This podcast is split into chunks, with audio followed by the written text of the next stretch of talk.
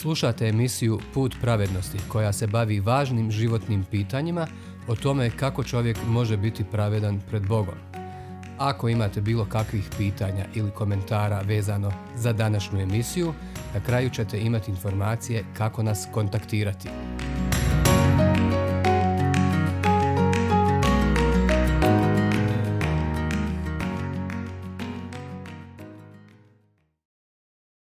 Jakov postaje Izrael. Postanak od 28. do 32. poglavlja.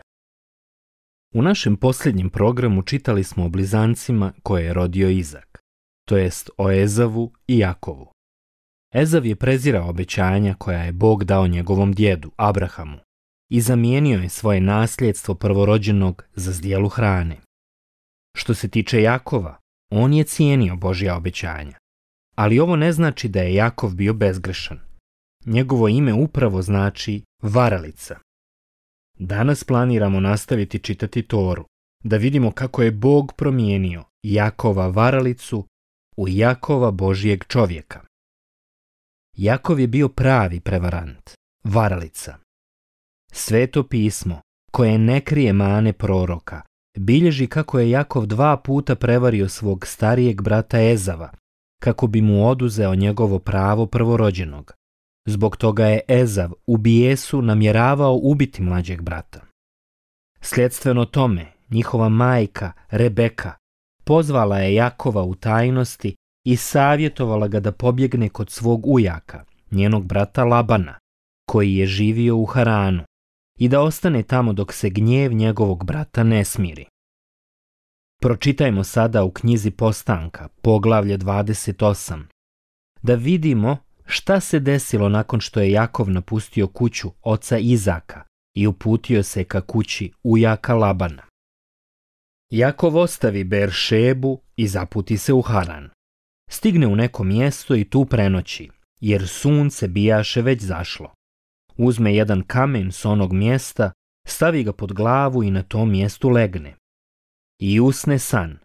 Ljestve stoje na zemlji, a vrhom do neba dopiru. I anđeli Božiji po njima se penju i silaze. Uzanje Jahve te mu govori. Ja sam Jahve, Bog tvoga praoca Abrahama i Bog Izakov. Zemlju na kojoj ležiš dat ću tebi i tvome potomstvu.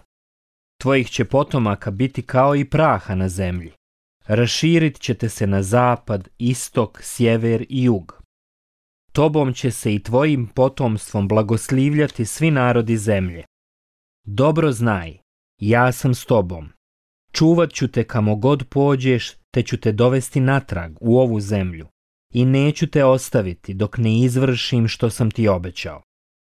Jakov se probudi od sna te reče, zaista se Jahve nalazi na ovome mjestu ali ja nisam znao. Potresen uzviknu. Kako je strašno ovo mjesto, zaista ovo je kuća Božja, ovo su vrata nebeska.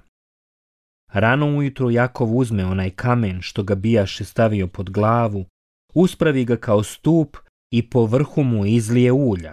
Ono mjesto on nazva Betel, dok je ime tom gradu prije bilo Luz. Postanak, 28. glava, od 10. do 19. stiha. I tako vidimo kako se Bog ukazao Jakovu u snu i obećao mu istu stvar koju je obećao i njegovom djedu Abrahamu i njegovom ocu Izaku. To jest da od njegovog potomstva načini veliki narod koji bi blagoslovio sve druge narode na zemlji. S tim, pravo prvorođenog koje je ukrao od svog starijeg brata na kraju mu je bilo dato od Boga. Jakov nije zaslužio da postane otac velikog naroda, koji bi donio otkupitelja na svijet. Ali gospod je Bog milosti, koji daje dobre stvari onima koji mu vjeruju. Šta je Jakov vidio u snu?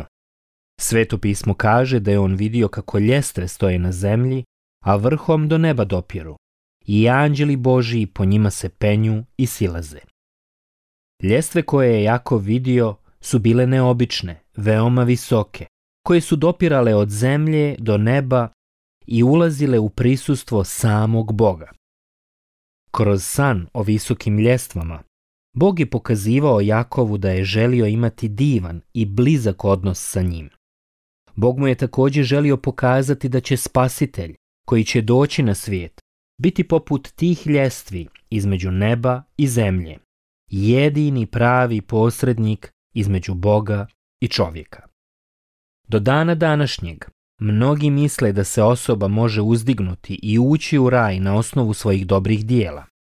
Ali Božja riječ nam kaže da postoje samo jedne ljestve između Boga i čovjeka, a one dolaze ne od čovjeka, već od Boga. Mi, Adamova djeca, nemamo ni načina ni snage s kojim bismo se uzdigli i ušli u prisustvo Boga. To je zbog našeg grijeha i našeg potpunog nedostatka snage da ugodimo svetom Bogu.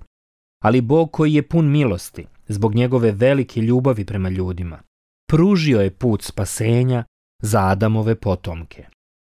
Onda možemo razumjeti da su ljestve, koje je jako vidio u snu, simbolizovale posrednika, koga je Bog obećao poslati na svijet da spasi grešnike. Posrednik je poput ljestvi koje je jako vidio između nebesa i zemlje. To nas sveto pismo uči kada kaže Jer jedan je Bog, jedan je i posrednik između Boga i ljudi, čovjek, Krist Isus, koji sebe samoga dade kao otkup za sve, da kogod povjeruje u njega ne propadne, nego da ima vječni život. Prva poslanica Timoteju, druga glava, peti i šesti stih. Ivanovo evanđelje, treća glava, šestnaesti stih. Božja riječ je jasna po ovom pitanju. Niko ne može doći do Boga osim preko svetog posrednika koga je Bog poslao sa nebesa. Pogledajmo sada šta se desilo nakon što je Jakov došao do kuće svog ujaka. Božja riječ kaže da što tko seje, to će i žeti. Galačanima poslanica, šesta glava, sedmi Već smo čuli kako je Jakov prevario svog starijeg brata. Sada ćemo vidjeti kako je Jakovlje ujak prevario njega. Ime njegovog ujaka je bilo Laban. I on je bio lukav čovjek. Čitamo u 29. poglavlju postanka. A onda Laban reče, Zbilja si ti moja kost i moje meso. Pošto je Jakov proboravio slabano mjesec dana, Laban reče Jakovu. Zar ćeš me zato što si mi stestrić badava služiti? Kaži mi koliko ćeš tražiti za najam.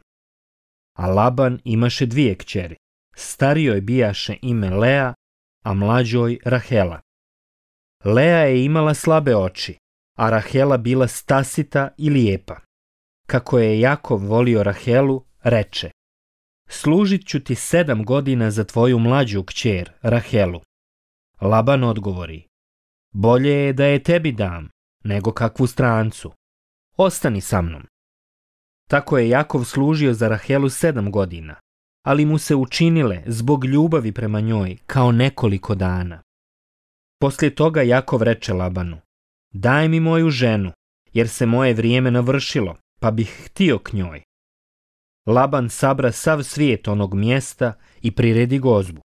Ali navečer uzme svoju kćer Leu, pa nju uvede k Jakovu i on priđe k njoj. Kad bi ujutro, a to gle, Lea. Tada Jakov reče Labanu, zašto si mi to učinio? Zar te ja nisam služio za Rahelu? Zašto si me prevario? Laban odgovori, u našem mjestu nije običaj da se mlađa udaje prije starije. Završi s njom ovu ženitbenu sedmicu, a onda ću ti dati i drugu, za drugih sedam godina službe kod mene. Jakov pristane. Navrši onu ženitbenu sedmicu. Onda mu Laban dade i svoju kćer Rahelu za ženu. Jakov na to priđe Raheli. Rahelu je više volio nego Leo i tako je služio Labana još sedam godina. Postanak, 29. glava, od 14. do 23. stiha, od 25. do 28. stiha i 30. stih. Ovako je Laban prevario svog rođaka. Ono što se dogodilo nije bilo dobro, ali možete biti sigurni da je Bog imao svoju ruku nad stvarima koje su se dešavale u Jakovljevom životu i da će učiniti da one ispadnu na njegovo dobro. Najzad Jakov je postao otac 12 sinova, Živio je 20 godina u kući svog ujaka. Tokom tih 20 godina Bog mu je u svojoj ljubavi dopustio da prođe kroz neka veoma bolna iskušenja, kako bi ga mogao disciplinovati i pročistiti mu vjeru, kao što vatra pročišćuje zlato.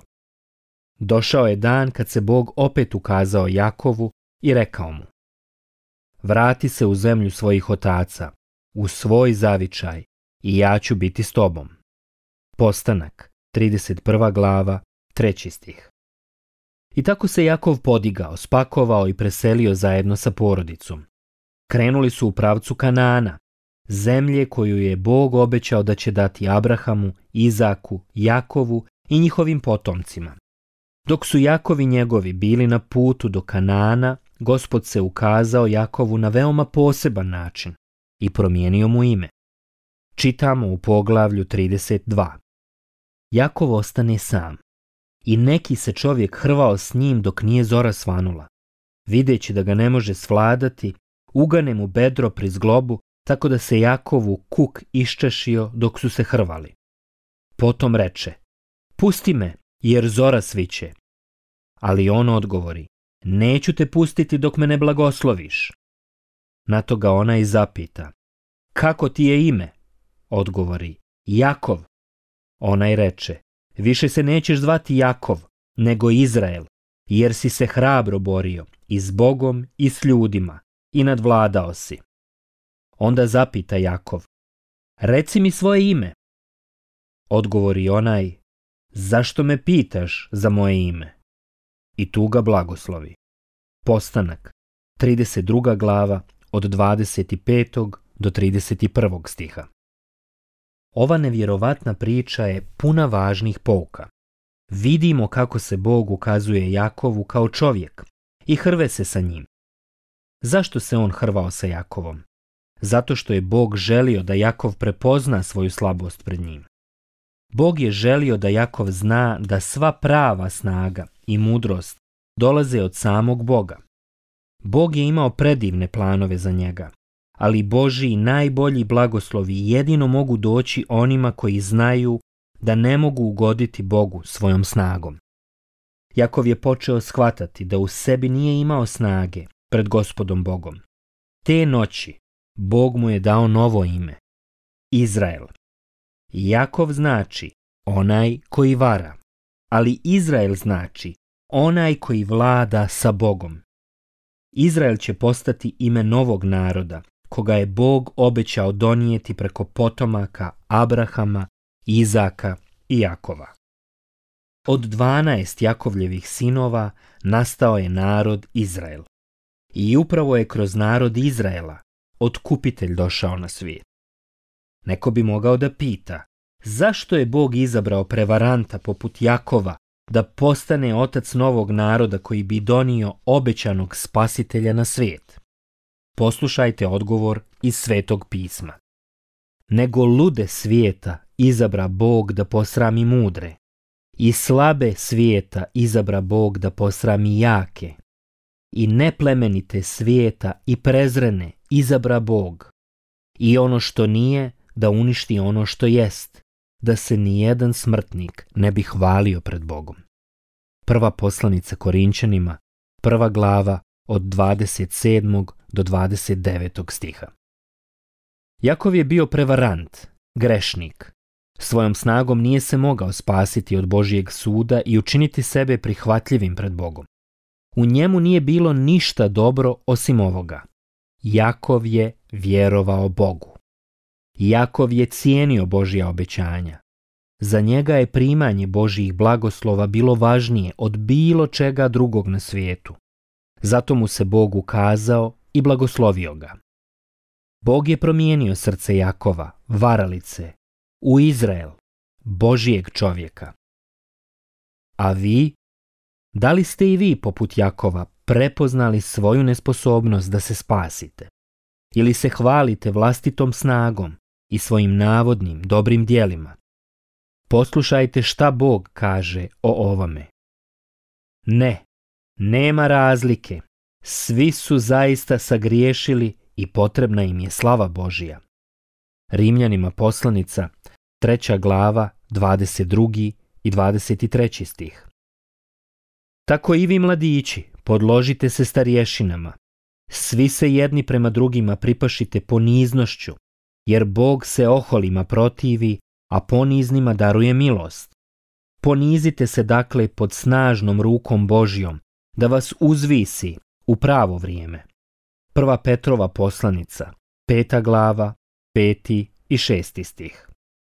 Blago siromasima duhom, njihovo je kraljevstvo nebesko. Matejevo evanđelje, peta glava, treći stih. Hvala vam na slušanju. U našoj sljedećoj lekciji, ako Bog da, počet ćemo izučavati nevjerovatnu priču o Josipu, jednom od dvanaest Jakovljevih sinova. Neka Bog blagoslovi vas, vašu porodicu i vašu zajednicu. Napuštamo vas sa ovom riječju iz spisa proroka. Ali Jahve čeka čas da vam se smiluje. Iz tog izgleda da vam milost iskaže. Jer Jahve je Bog pravedan. Blago svima koji njega čekaju. Knjiga proroka Izaije, 30. glava, 18. stih.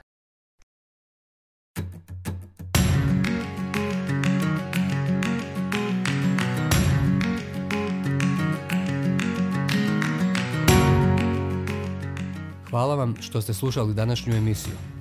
Kontaktirajte nas putem našeg e-maila putpravednosti.bih.gmail.com ili putem naše Facebook stranice Put pravednosti. Do sljedećeg slušanja.